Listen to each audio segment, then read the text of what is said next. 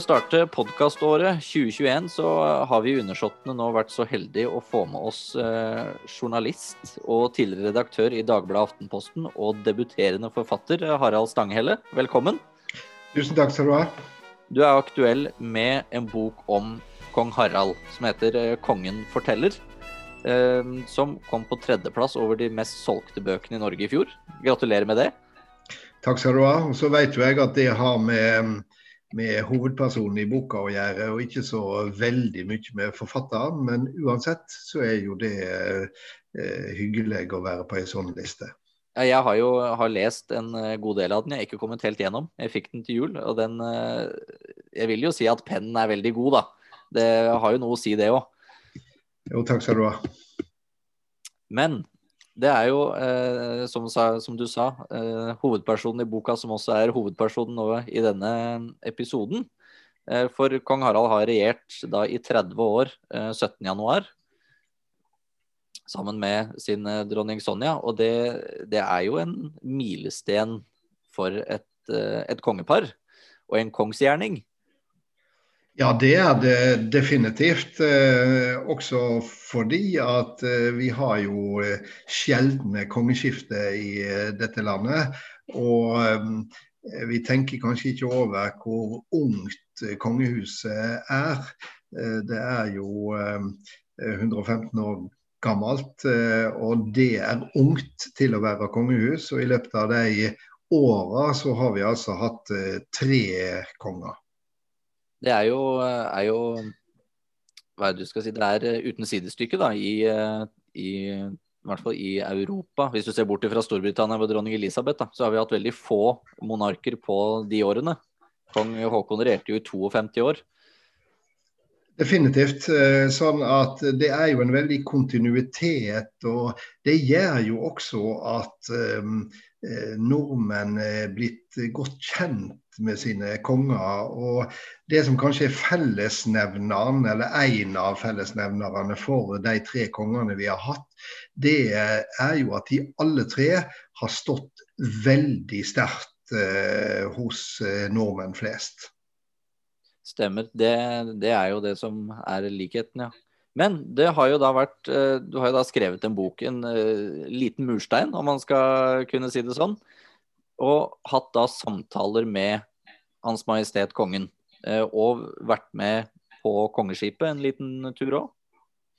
Ja, under fylkesturen til Hordaland i, i uh, 2019 så var jeg med da, tre, tre, dager om bord på, på, kongeskipet som, som gjest der. Og det er jo mildt sagt en spesiell opplevelse. og jeg har vel sagt det før og gjentar det gjerne, at etter det så blir danskebåten aldri den samme. Nei, det kan jeg virkelig se for meg. For det er jo det er, det er en luksusbåt med nøktern eh, innredning. Det, er det ikke noe sånn du skriver i, i boka? Jo, den, den er nøktern. Altså det, det, norske kongehuset eh, har jo prakt og festivitas eh, rundt seg. Eh, men samtidig så er det jo eh, noe veldig nøkternt eh, med de. Og jeg husker jeg registrerte med litt forundring at det var et eller annet med frokostbordet om bord på kongeskipet som, som jeg liksom stussa litt over, men jeg skjønte ikke helt hva det var jeg stussa over. Sant? Mange av oss har den kjensla vi har opplevd det en eller flere ganger i livet, at det, det er noe der, men vi kan, ikke, vi kan, ikke, helt sette fingeren på hva det var, inntil det plutselig gikk opp for meg at, at der lå det en kaviartube. Eh, og, og, og, og, det ble for meg en sånn ja, et, et, et, slags signal, et symbol på at eh, kongefamilien er på mange måter en alminnelig norsk eh, familie, og så er de i tillegg eh, kongelige. Og det, jeg, det, det, må jeg legge til, det der var ikke for uh, det, det, var ikke for å, å liksom vise fram noe, det var rett og slett fordi at kaviar er godt også for kongelige. Selvfølgelig. Men hvor eh, kommer eh, ideen fra Og tenker at, at, jeg vil ha noen samtaler med Hans Majestet, og det å faktisk få det til. Det, det kan jo ikke bare være å, å å ta en telefon til Slottet? Hvordan er det den prosessen er? Nei, I dette tilfellet så uh, har det ingenting med meg å gjøre. Uh, det var uh, Erling Kagge, som er en, en, god venn av meg, og også har Kagge forlag, som hadde blitt fascinert av ei dansk bok der en dansk redaktør hadde hatt en del samtaler med dronning Margrethe om Danmark, om danskene, om samfunnet, men også om hennes personlige historie. Og Den kom ut som bok for noen år siden under tittelen 'De dypeste røtter'. Og så ble jeg spurt eh, faktisk på Theatercaféen av Erling om jeg kunne tenke meg å gjøre noe tilsvarende hvis eh, kong Harald sa ja til, til et sånt eh, samarbeidsprosjekt. Og jeg svarte veldig raskt ja til det, eh, i trygg forvissning om at eh, kong Harald helt sikkert ville si nei. Eh, og, og, og, grunnen til at jeg følte meg så sikker på det, var at uh, kong Harald er svært lite selvopptatt. Han uh, er veldig lite opptatt av å snakke om seg sjøl. Og han er gjennom intervjuer. Så jeg trodde rett og slett ikke at han ville bruke tida si på et, et så ambisiøst prosjekt som det er å, å, ha en rekke samtaler for en bokutgivelse. I tillegg så har ikke jeg hatt noe som helst nær kontakt med, med Slottet eller de kongelige. Eh, jeg har alltid vært åpen på at jeg er republikaner, og jeg har også skrevet kritiske kommentarer om, om, eh, om ulike sider ved, ved, ved Eh, det som har skjedd med utgangspunkt i, i, i Slottet og, og, Skaugum. Så jeg hadde ingen spesiell grunn til å tro at, at kong Harald hadde noe spesielt ønske om at, at, at dette skulle bli noe uh, av. Jeg hadde riktignok intervjua han én gang, og det var i forbindelse med 80-årsdagen, og gjorde det for A-magasinet. Og det må jeg nok si at jeg ble forbausa over hvor spanende det var å snakke med kong Harald og intervjue han. Så det er litt av bakgrunnen for dette. Men for å konkludere, en lang historie, så, så, svarte da kongen ja. Uh, til min store overrasking. Og slikt ble da dette samarbeidet innleda. Hva var det da spesielt som eh, en Kall det en offentlig republikaner, da, som det da har vært via de kommentarene og sånt du har skrevet om eh, kongehuset, å ha en slik tilgang til eh, Norges konge? Jeg tror det er spesielt uansett eh, hva for eh, prinsipielt ståsted en, en, måtte ha. Eh, det, det, det, tror jeg. Fordi at eh, det å uh, ha en rekke lengre samtaler med landets konge, det, det, blir aldri en hverdag, tror jeg. Uansett hvor en står. og så er det det at det blir en slags merkelig blanding av høgtid og arbeidshverdag. fordi at det er en god del timer og det er en del tema vi skal snakke oss gjennom. Eh, og vi skal finne en form både på eh, våre samtaler, og, og, og senere måtte jeg også forresten finne en form på, på, boka. For å sette det litt i historisk perspektiv, så har vel ikke dette skjedd egentlig siden Jobenkov hadde sine samtaler med kong Olav? Nei, det tror jeg er helt uh, riktig. Uh, altså og Det er jo faktisk snart 30 år siden, det òg. Ja. Det var jo dagen før, samme dagen som han døde, faktisk. Det er riktig. og Boka til Jon Benkow den kom ut med samtalene med kong Olav. Uh, kom ut på høsten 1991. altså noen måneder etter at kong Olav var, var, død. Så det er nok den siste samtaleboka.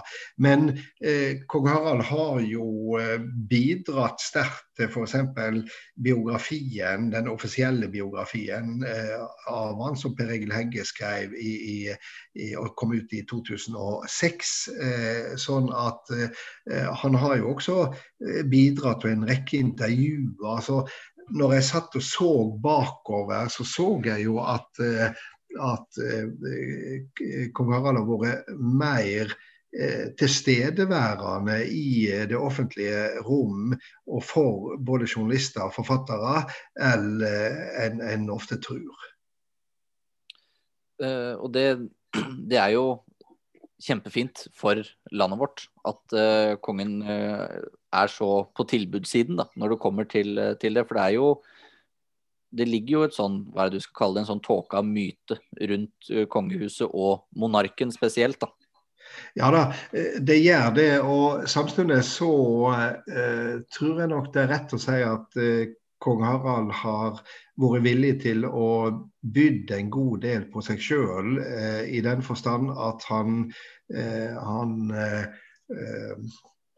har framstått som et veldig likende menneske med, med Eh, sterke menneskelige eh, kvaliteter.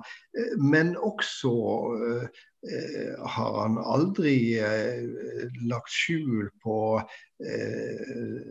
det mer problematiske. Han har vært åpen omkring helseproblemene sine. Han er, et likende menneske, og så er han fordømt ujålete. Jeg tror at, jeg tror at Eh, kong Harald må være en av de eh, mest eh,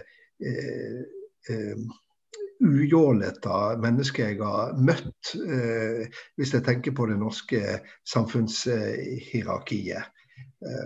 Og det finnes det mange, mange eksempler på. Ikke minst måten han kler seg under sportsstevnet, der, der, han bare blåser av motepolitiet og tar på seg det som er praktisk og det som er varmt. Eller, eller eh, hvordan han kler seg når han, eh, når han eh, møter folk i, i en uværssituasjon. Ja, klær etter vær. det er nettopp det. Og det er jo også noe veldig norskt over det. da. Så Sånn sett så kan du jo si at han, han blir et speilbilde av eh, sånn som mange av oss eh, nordmenn er. I alle fall vi som kommer fra bygdene. Men Du nevner jo dette tematiske eh, litt tidligere, og det er jo det som er eh, Kall det hoved... Eh, si, Det man trekker ut av, av boka, det er at det er, det er, ikke kronologisk, men tematisk uh, oppbygning av boken. Um, Jeg antar jo at det er, har vært veldig mye eh, du og Majesteten har, har, pratet om. Men var det noe du måtte utelate? Måtte du prioritere? Eh, eller er det meste fra samtalene tatt med i boka?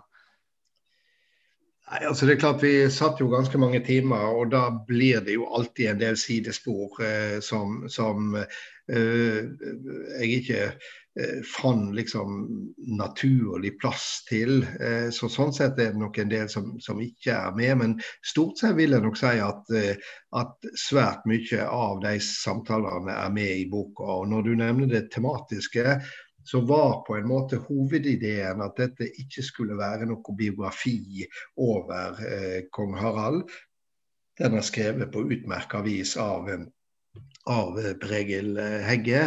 Dette skulle være ei bok der vi samtalte om viktige sider ved både historien, men også ved den norske samtida. og, og, og og hvordan den er blitt til, endringer som har skjedd i kong Haralds tid. Og Det betyr at vi eh, snakker om eh, den historiske bakgrunnen, eh, men vi snakker om eh, klima og miljø, vi snakker om religion, vi snakker om innvandring, vi snakker om forsvar, vi snakker om idrett. Eh, eh, og, dette gjorde vi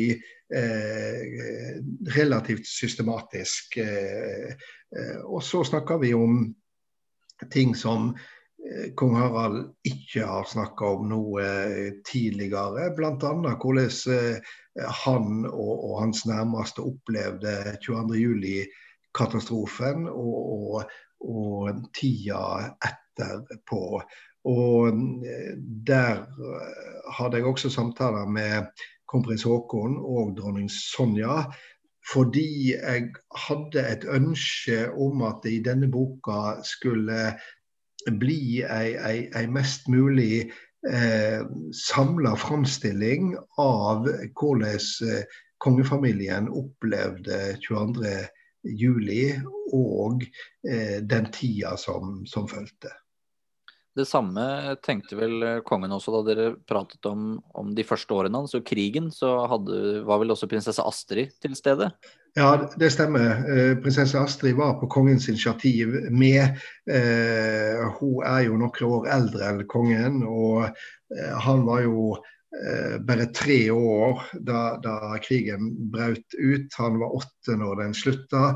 Og det er klart en tre-fire-femåring husker eh, mye mindre enn en eh søstera, eh, som, som var noen år eldre. sånn at han, han eh, sa jo også det at hun er hans hukommelse, ikke minst når det gjelder den første tida, både flukten og, og tida i USA. Ja, og med det så kan vi egentlig gå over på eh, kall det protagonisten denne episoden, eh, til mm. kong Harald. Um, for nå er det jo da eh, 30 år siden eh, snart at kong Harald ble eh, konge. Mm. Og han fyller 84 eh, år. Eh, for han ble da født 21.2.1937. Og da første prins født i Norge på 567 år. Den forrige da var Olav den 4. Håkonsson da han ble født i 1370. Og eh, Boken din den eh, starter da med talen i Dronningparken i 2016. Um, hvorfor valgte du nettopp den talen for å begynne boka? Ja, fordi at uh, det var en tale som fikk et enormt gjennomslag eh, nasjonalt, men også internasjonalt. Det er ingen tale som kong Harald har holdt eh, som har fått så stor eh, utbredelse. Og det er også en tale der han i løpet av relativt få korte minutter lager en syntese av hva Norge er for noe. Eh, og han gjør det på en måte som skapte Eh, større begeistring og større, sterkere reaksjoner enn han sjøl sier han hadde forventa. Og han sier jo også i boka at jeg sa jo bare hva Norge er for noe. Eh, eh, som om det skulle være så oppsiktsvekkende. Men det er likevel noe med at det er en konge som sier det, og ikke minst en konge som bruker formuleringer eh, som, eh, som, som, gjorde at den, den virkelig fikk bein å, å, å flyge på, den, den, talen. Det er jo der han, han sier at Norge eh, tror på eh, Gud, eh, Allah, alt og ingenting. Eh, det er der han sier at nordmenn er, er jenter som er glade i jenter, og gutter som er glade i, i, i um, gutter og, og, jenter og gutter som er glade i hverandre. Og det er nok noe som han sjøl også er inne på, at det ble en slags aksept på forskjelligheten. Og kanskje det også var eh, eh grupper av nordmenn som kjente seg inkludert i det store vi fordi det var kongen som eh, sa det. Dette er han litt inne på som en forklaringsmodell på hvorfor eh, den vakte så, så, så mye oppsikt, eh, også internasjonalt. Og, og, og jeg, eh, han sier at han, han, fortsatt ikke helt skjønner hvorfor den gjorde det. Eh, og det tror jeg er litt eh, typisk kong Harald, at han ser veldig konkret på ting.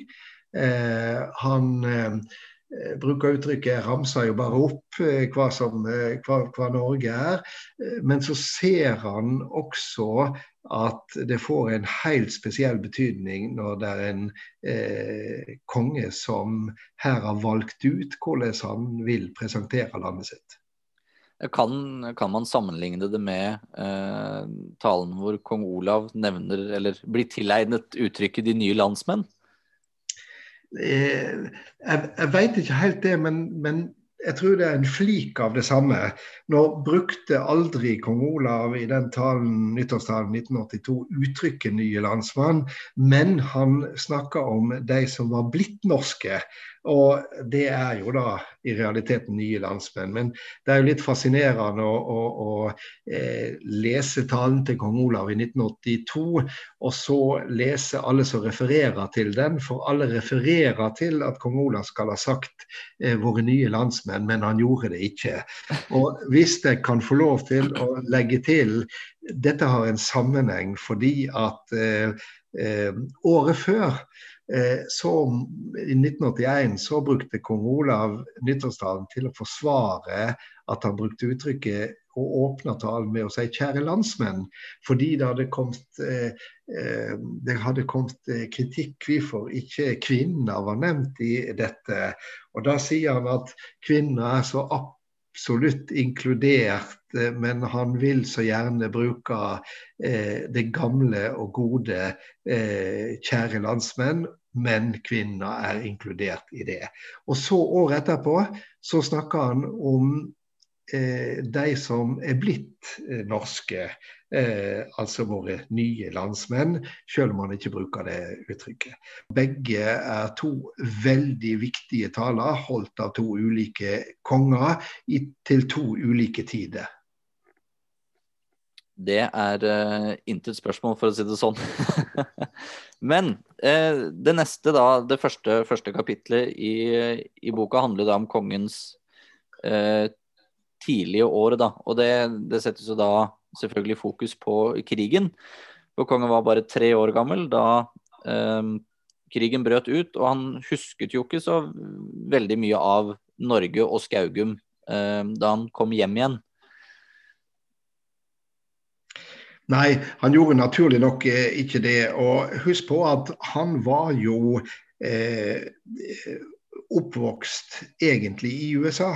Eh, altså Fra tre til åtte år så var han i USA. Han gikk på amerikansk eh, skole det er vel kanskje den nærmeste eh, han har levd et helt vanlig liv. Eh, I den forstand, hvis det kan kalles et vanlig liv, å se på president Roosevelt som en bestefar, eh, og, og, og eh, ellers eh, eh oppdage etter hvert at, at, bestefaren din hjemme han er Norges konge. Men som han sier, det er helt umulig for et barn å forestille seg hva det innebar. Og Derfor så forteller også eh, kong Harald om eh, hvor eh, vanskelig det var å forstå eh, det som møtte de da de kom tilbake i 1945 20.6 og ble møtt bokstavelig talt av flere hundre tusen jublende mennesker. Eh, de ser lettere bortkomne ut, eh, sier han, og, skjønte lite av, av dette. Det kom jo tydelig frem i et av, et av bildene som er i boken nå, fra denne landgangen 7.6. Det, det ser ikke helt ut som de forstår hva som skjer. Nei, og det kan du jo heller ikke forvente.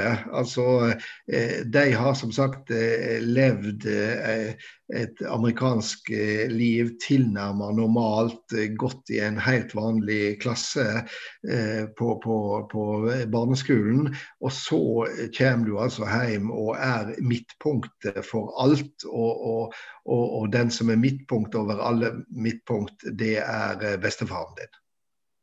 Men er hadde ikke kongen eh, da som ung noen, noe bilde på å kalle det den rollen han selv skulle spille oppi det hele? At han var arveprins? Og det hadde han nok, men eh, husk på at nå snakker vi om tida fram til han var åtte år. Ja. Eh, og, og, da tror jeg nok sånne ting er relativt, eh, relativt teoretiske.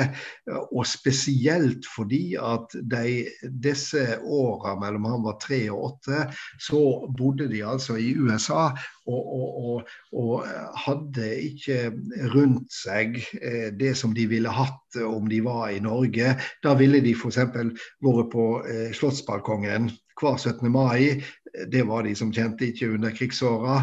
Så det er jo mange sånne ting som eh, jeg tror sakte, men sikkert eh, får de til å forstå deres spesielle stilling og familiens spesielle stilling.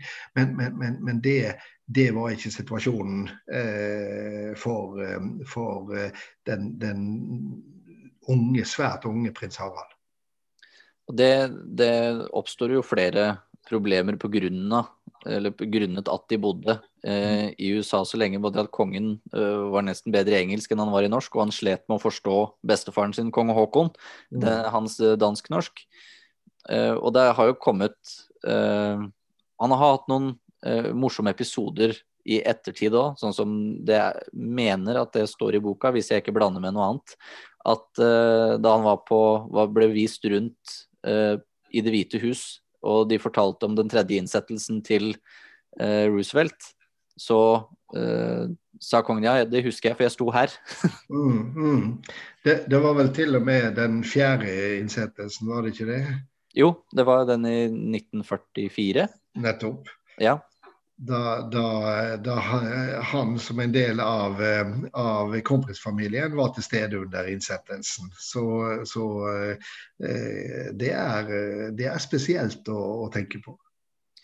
Eh, I den sammenheng med krigen så kom jo også filmen 'Kongens nei' opp som et tema, hvor det prates om hvordan Eller at den ble spilt av da i, i Slottsparken. Eh, kall det som en premiere med eh, kongen, eh, dronningen, prinsesse Astrid og kronprinsparet til stede. I alle fall kronprinsen, mener jeg å huske. Ja, kronprinsparet var til stede. Ja. Og det Der prater du om noe som kan trekkes litt paralleller til en viss debatt som har foregått i, i, i vinter, eller i hvert fall i høst om Atlantic Crossing. For rundt Kongens nei eh, og scenene hvor det fremstår som krangel mellom kronprins Olav og kong Haakon, eh, så sier vel disse to, da, kongen og prinsesse Astrid, i samtalene med deg, at det har nok ikke skjedd, og at han pratet sånn til sin far. Og det negative er at dette blir dette står igjen som eh, den riktige historien, da. Mm. Ja da, altså, eh, altså, Kongen og også prinsesse Astrid er jo veldig eh, rause i forhold til å, å eh, akseptere eh, filmatisering og dramatisering. Eh, bare det faktum at eh, de, de viste fram Kongens nei i, i i, eh, bak, eller ved Slottet med flere tusen mennesker til stede, eh, viser jo det. Det er jo landets største utekino noen gang, akkurat eh, det som skjedde da.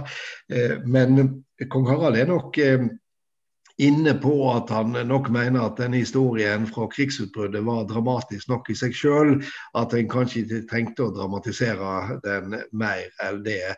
Og så er de veldig klare på det at den tonen eh, som blir vist i Kongens nei mellom kronprins Olav og kong Haakon, ikke var en tone som de to hadde seg i, eh. Eh, kong Harald sier jo også det at det som er tankekors for han, og kanskje bekymrer han eh, litt, det er jo at eh, dette for nye generasjoner skal bli på en måte historien sånn som den egentlig var, mens vi i virkeligheten ser ei, ei dramatisert historie av faktiske begivenheter. Ja, for det, det var i, i, året med kongefamilien som uh, kom første juledag i fjor, så blir jo nettopp Atlantic Crossing uh, tatt opp. Uh, hvor da kongen svarer at den debatten overlater jeg til de som allerede holder på med den. ja, han er flink til det. Det var nok riktig svart, i hvert fall når det har blitt en så stor debatt. Mm. Men så over til selve kongsgjerningen, da. Kongen blir jo da Majestet 17.1.1991. Eh, og enhver konge har, kan man kalle sin misjon eh, i kongsgjerningen. Da. En kan kanskje si at kong Olav hadde det å, å opprettholde på en måte krigs, krigsminnene eh, og, og, være eh, forsvarets mann. Eh, mens det fremstår som om eh, kong Harald har hatt barn, unge og deres psykiske helse eh, som sin hjertesak. Eh, om ikke med en gang, i hvert fall etter hvert har det fremstått som. Ja, det, jeg tror du har rett i det. og Han bruker jo også det uttrykket at eh, barns eh, eh oppvekstvilkår eh, er, er, blitt en hjertesak for han. Men samtidig så tror jeg at en må være klar over at enhver konge speiler jo sin egen tid. Og jeg syns eh, kong Harald har eh, makta på en imponerende måte. og speile den tida eh, han har vært konge i, disse 30 åra, der det har skjedd en veldig sterk utvikling.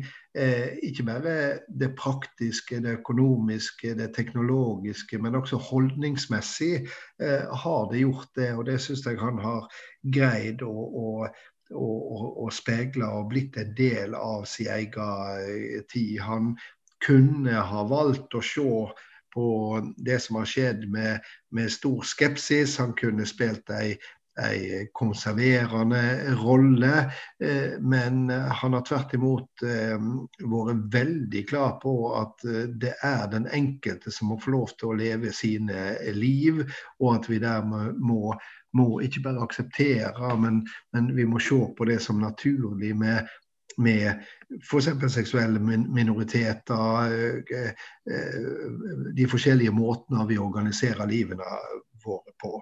Men jeg har jo lyst til å legge til at han har jo allerede tidlig i sin kongsgjerning så eh, gjorde han jo et par grep eh, som var viktige eh, fordi at han gjorde noe som var nytt. Og da tenker jeg på f.eks. den eh, berømte Kiberg-talen som han holdt under turen til Nord-Norge i 1992, der han snakka om betydninga, men også det smertefulle av å se historien i et nytt lys. Og Kiberg var jo den vesle bygda på Vanger-halvøya, eh, der Eh, der eh, titalls eh, menn flykta over til Sovjetunionen i 1940, ble opplært der, kom tilbake som partisaner. Mange mista livet, men de gjorde en veldig viktig jobb. Etter krigen så kom den kalde krigen, og da ble disse mistenkeliggjort. Mange ble overvåka. Mange fikk ikke noe aksept for eh, det heltemotet de viste under krigsåra. Og dette gjorde kong Harald opp eh, eh i, i eh, 1992 ved talen i Kiberg. En veldig viktig tale for de som var der, for Kiberg-samfunnet, for Nord-Norge, men også for kong Harald, fordi at det viste at han så og han eh, fant sin vei eh, å gjøre kongsgjerninger på. Det var jo en eh, anerkjennelse av den innsatsen de hadde gjort. Og han var vel den første, kall fra det offisielle Norge, som gjorde nettopp det? Ja, han var det. Og eh, ni år tidligere så var kong Olav i Kiberg. Han la ned en krans ved bautaen og over de falne partisanene fra Kiberg, men han sa ingenting. Eh, så det var en form for anerkjennelse, men uten ord. Kong Harald han eh, gikk rett på og snakka om det smertefulle i å se historien i nytt lys. Og det var akkurat det han satte ord på. Det var jo også, har han fortalt, en av de få talene som var, var, eh, klarert med, med, statsministerens kontor før den ble eh, holdt. Fordi at dette, når, når, en konge sier noe sånt, så var det på en måte ei, ei, ei eh, unnskyldning, og framfor en unnskyldning på vegne av Norge og på vegne også av regjeringa.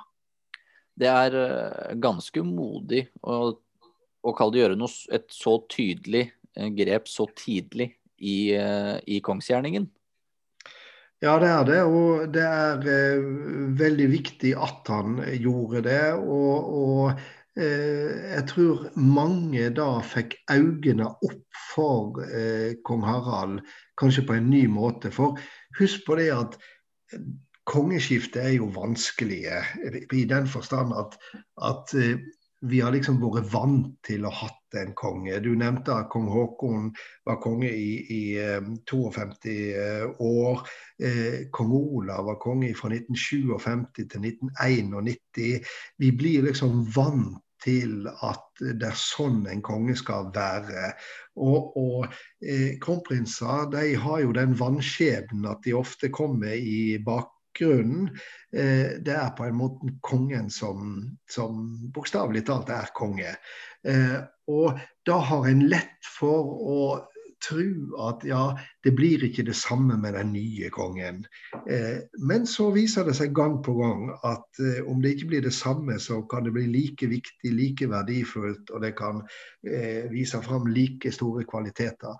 Og det at kong eh, Harald begynte kongsgjerninga si, det å holde Kiberg-talen, det tror jeg fikk mange skeptikere til å, å, å få øynene opp eh, for han. Og Han har jo sjøl fortalt at eh, han var eh, lettere livredd eh, da, da, han skulle overta etter kong Olav, og, og, at han på en måte nesten ikke kunne skjønne at det var mulig å fylle eh, kong Olavs eh, sko som eh, folkekonge. og så viser det seg jo at det har jo absolutt vært, eh, mulig. Og, og, på mange måter tror jeg det det er rett å si at eh, kong Harald har eh, vist seg som en eh, mer ekte folkekonge enn kong Olav i sin tid var. Men kong Harald ville ikke vært den personen og det mennesket han er, uten at han, at han sier at han fortsatt kan være lettere livredd eller, eller er redd for, for, for, for, den store oppgaven. Og han legger jo også til at at han tror det er sunt å ha den der tvilen eh, når en er i den posisjonen. Og eh, kanskje er det der noe av nøkkelen til den sterke stillinga eh, kong Harald har, eh, ligger. Eh, denne, denne, tvilen om, der, om, om, om, om eh, han fyller oppgaver slik som han gjerne vil fylle den. Han det er jo nettopp det at hans sterke stilling i, eh, i eh, folket, og den må jo komme litt av hvordan han eh, tar del i eh, folkesporten, eller folkesportene da, i Norge. Eh, og stiller opp på idrettsarrangementer, eh, OL, VM, EM, alt som er mulig, da. Um, og det, det, er jo et uh, kapittel i boken som handler om, om uh, nettopp det. Og er dette har det vært viktig, tror du, for um, hans kalde titulering som, uh, som folkekonge? Det at han har vært sportskonge, kommet i klær etter hver, mm. klemt Therese Johaug når hun vinner. ja. ja. det har nok en viss betydning, men, men jeg tror paradoksalt nok så tror jeg at det var viktigere eh, for eh, kong Olavs posisjon enn en, en, en kong Harald. Eh, fordi at eh, Eh, kong eh, Haakon, eh, og sikkert også dronning Maud, var jo veldig opptatt av, og ikke minst deres rådgivere, var jo veldig opptatt av at den lille kronprins Olav måtte framstå som norsk med norske interesser, og, og, og, og, på en måte Om han ikke var født med ski på beina, han var jo født i København, men, men så, så, så var det i hvert fall eh, viktig at han framsto som, eh, som eh, eh, som en som kunne lære seg å stå på ski på beina. Nå sa jeg han var født i København, det var han vel ikke. Han var vel født i, i Storbritannia, tror jeg. Men, men ja, stemmer det. På Appleton House. Ja, men det, det, er ikke så viktig i denne sammenhengen. Nei. Poenget er i hvert fall at det var viktig for deg at han ble god til å hoppe på ski. Og det er klart at Helt ikonisk ble jo dette da han hoppa i Holmenkollen eh, og, og, og, på en måte viste at han var en, en ekte norsk eh, eh skigutt. Eh, da kong Harald vokse opp, så var nok ikke det så viktig. Men jeg tror definitivt at, eh, at eh, det har styrka hans stilling at han har en sånn ekte eh, sportsinteresse. Eh, og, og, eh, ikke minst når det gjelder vinteridretter, som han har, selv om det er seiling som er hans, eh, hans idrett. Eh, og i den, den sammenheng med sportskongen og denne klemmen, da, som Mm. eh, blir til Therese Johaug. Så eh, hvis jeg ikke eh, leste feil, så eh, gjorde også kong Olav dette en gang og ga klem til en idrettsutøver som hadde vunnet gull, til Berit Aunli. Um, og det, det som falt meg interessant, da var det at i det TV-programmet som gikk for fem år siden, som het 'Konge og dronning i 25 år', så sies det at en slik klem aldri kunne blitt gitt under eh, kong Olavs tid. Det tror jeg er feil, for både eh, kong Olav og ikke minst kong Harald har klemt eh, utallige idrettsutøvere eh, på, på sitt vis. Men, men, men, akkurat den med Therese Johaug i Holmenkollen eh, under, under eh, VM i 2011, var det vel. Eh, det ble på en måte et bilde av den ektheten, denne voldsomme innspurten, denne voldsomme idrettsgleda. Eh, og så at det første hun gjør, det er å kaste seg i armene på landets eh, konge. Og han har åpenbart glede av å gratulere henne på den, den, den måten. Det er så det er så lite tilgjort, og det er så eh, spontant og, og, og, og, ekte at det er sånne øyeblikk som en husker. Ja, og den, den historien i 1982 avsluttes vel med at faren til Berit Aunli, Kristen Kvello, sier over høyttaleranlegget, for han var speaker, at ja, Harald, nå har du klemt dattera mi, kan jeg få klemme kona di? ja, det stemmer det. Det stemmer det. Det er, det er, det som blir fortalt i alle fall, og det tror jeg er riktig. Ja, det er i hvert fall en veldig, veldig morsom historie. Men i tillegg til eh, sporten, som har vært eh, seiling spesielt da, for, for, kongen, som også har vært, vært snakket om i samtale med, med Karsten Warholm tidligere i 2019, Uh, og i hvert fall om kongen som, som uh, idrettsutøver, så er det jo en annen viktig del av, fremstår det som i alle fall, uh, i livet til kong Harald, er troen. og den er egentlig sentral i det norske kongehuset. og i hvert fall bekjennelsesplikten i Grunnloven. Mm. Ja, det kan du si. Altså, Kong Harald snakker jo i, i, i, boka så snakker jo kong Harald om hvor sterkt inntrykk det gjorde på han å bli signa i Nidarosdomen. Og det å få den velsignelsen med inn i kongsgjerninga, det kom til å gjøre sterkere inntrykk på han eller han hadde tenkt på forhånd, sier han. Og han trekker jo da ei linje fra det som skjedde i Nidarosdomen i, i, i juni 1991, til, til hans måte å reagere på da det kom forslag om eh, grunnlovsendringer som innebar at eh, det ikke lenger skal stå at, eh, at monarken må, må bekjenne seg til den evangeliske lutherske tro. Og Dette er jo det eneste eksempelet på at kong Harald har grepet inn i et grunnlovsarbeid. Og han sier i boka at, at, at, han ikke er sikker på om han hadde rett til å gjøre det, men han gjorde det.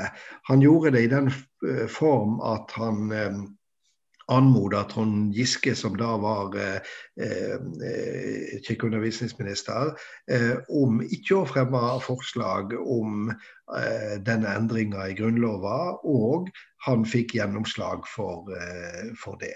En veldig spesiell eh, og, og, også viktig episode i historien om kong Harald og hans tid. Det er jo ikke ofte i Norge at, norske, at den norske monarken eh, tar del i en, kall det en politisk diskusjon. Da. Dette handlet jo eh, Kongen sier vel det at eh, dette var ikke kongen i statsråd som sa, dette var kongen som person som mm. mente at den bekjennelsesplikten skulle stå der. Men samtidig så var det jo en del rivninger mellom kong Haakon og hans tidligste regjeringer om eh, eh, passasjer i Grunnloven. Og eh, det gikk jo så langt som at kong Haakon eh, antyda muligheten for å abdisere og ta båten tilbake igjen til København eh, hvis han ikke fikk det som han ville. Blant annet så var det jo forslag eh, om å avvikle eh, eh, Ordensvesenet. Ordensvesenet sant? Eh, og, og, og, og, flere andre ting også var, var eh, det, det ganske skarpe motsetninger. Men dette var i en litt annen tid, eh, og, og, eh, det var jo også ei regjering som stort sett bestod av republikanere den tida. Men det er eh, den eneste tilfellet vi vet om i, i etterkrigstida der en konge har grepet inn på en sånn måte i forbindelse med et grunnlovsarbeid. Nå eh, stiller jeg spørsmålet bare av ren eh, interesse og ren Det blir bare ren spekulasjon. Men eh, tror du at hvis regjeringen ikke hadde eh, lyttet til kongens anmodning, at vi kunne fått et tilfelle hvor kongen brukte sitt utsettende veto? Nei, jeg tror ikke det. Nei. Eh, nei, jeg tror ikke det. Fordi at eh, det er på en måte ikke sånn det skal brukes. Og det tror jeg eh, eh kong Harald er veldig bevisst eh, på. Han, eh, han, er en veldig konstitusjonstro monark. Og han forteller jo en episode da han og hans far diskuterte det faktum at den belgiske kongen eh, abdiserte for ett døgn i protest mot en ny eh, abortlov i Belgia, eh, som han var sterk motstander av. Og Da eh, refererer kong Harald at han nevnte at slikt trenger ikke vi gjøre, for vi har jo utsettende veto. Og da kom det kontant fra kong Olav, det er ikke sånn det skal brukes. Eh, og, og, og jeg, jeg, tror nok ikke at den situasjonen kom, kom eh, ville oppstått. Nei, det, det, det, er en veldig, veldig morsom historie det i Belgia, hvor uh, Albert 2. Lå under operasjonsspor, eller lå på operasjonssporet da den loven skulle tre gjennom, så kronprinsen holdt jeg på å si, kunne, kunne underskrive loven som regent. Men så ble han, han ble jo erklært egentlig uskikka som konge eh, ja. av den belgiske regjeringa, men var, var skikka en dag eller to etterpå, så var han skikka igjen. Det er jo en sånn merkelig episode i, i, i, i, de europeiske monarkienes historie, som er eh, full av merkelige episoder, så er jo det en av de merkeligste. Spesielt fordi at det skjedde på en måte i vår tid, i, moderne tid. Men sånn for å, for å begynne å, å, runde av, da. Eh, når vi har da pratet litt sånn generelt om, om eh, kong Harald. Hvis en skal sammenligne vårt kongehus med de europeiske, eller si ja, si de europeiske kongehusene, da. Hva, hva tror du er det som skiller kong, kong Harald mest fra de andre monarkene? Altså, jeg tror at det er um, denne helt unike kombinasjonen av et uh, ujålete og varmt uh, menneske. Et menneske som uh, har evnen til å se folk og land rundt seg i en monarks opphøyde posisjon. Altså kombinasjonen av av det ujålete og alminnelige, og så denne opphøyde posisjonen, at eh, det, det, er, eh, slik jeg ser det, en av nøklene til å forstå kong Haralds veldig sterke eh, posisjon. Og jeg tror kanskje at kong Haralds posisjon er sterkere enn han sjøl egentlig tror. Det kan nok stemme. Og eh, med det så ønsker vi eh, kong Harald og dronning Sonja gratulerer med 30 år på tronen. Og så får vi eh, glede oss til de har sittet 40 år på tronen. Tusen takk til alle som har lyttet, og tusen takk til deg, Harald Stangele, for å ha gjestet podkasten. Takk for at jeg ble invitert til å være med. Vi lyttes.